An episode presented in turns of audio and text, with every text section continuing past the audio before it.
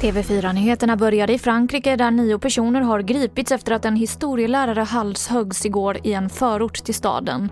Minst fyra personer varav en mindreårig uppges vara släktingar till den misstänkta angriparen som är en 18-årig man som sköts ihjäl på platsen.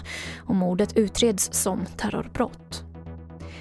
Influensasäsongen närmar sig och i och med pandemin så tvingas vården ta fram nya rutiner för årets influensavaccination, rapporterar Ekot. Enligt Folkhälsomyndigheten så har Sveriges regioner beställt extra stora mängder vaccin för att minska risken att vården belastas av både influensa och covid-sjuka patienter.